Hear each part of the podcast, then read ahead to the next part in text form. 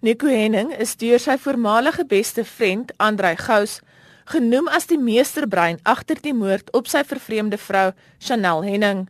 Gous het die komplot onthul teen die einde van sy verhoor nadat hy glo beloof is dat hy tot slegs 20 jaar tronkstraf gefonnis sou word. Gous het aangevoer Henning het hom 1 miljoen rand beloof as hy Chanel se moord sou beplan en uitvoer.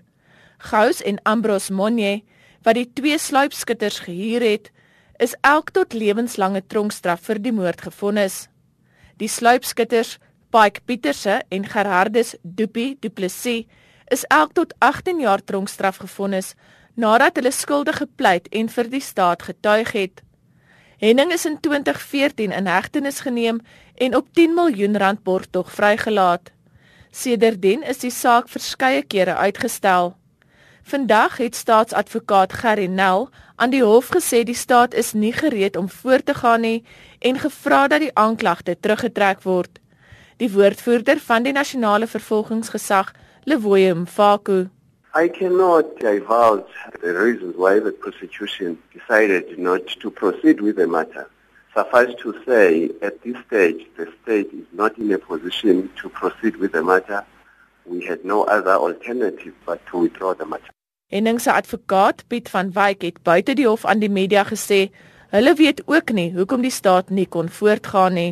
Ons neem kennis van die staat se besluit. Ons het lank gekonsulteer, ons het self lank voorberei.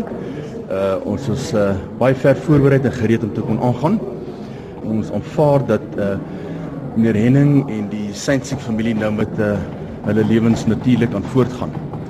Uh op hierdie stadium kan ons net verder byvoeg dat die uh aanklaarspan is 'n baie ervare span.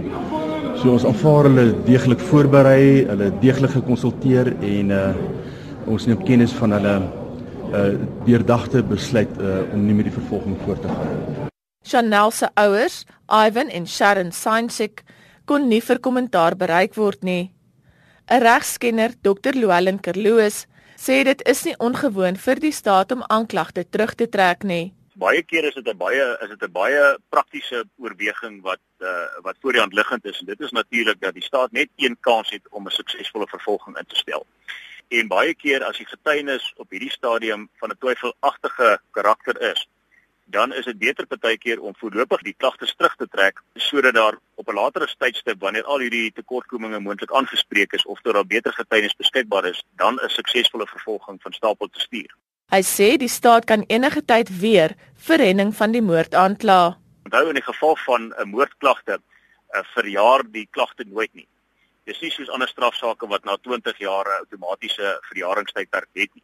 Met ander woorde, die staat het die reg om te enige tyd tussen nou en wanneer ook al, selfs meer as 20 jaar van nou af as dit moet, kan hulle hom weer aankla en hopelik 'n suksesvolle vervolging vir stapel stuur.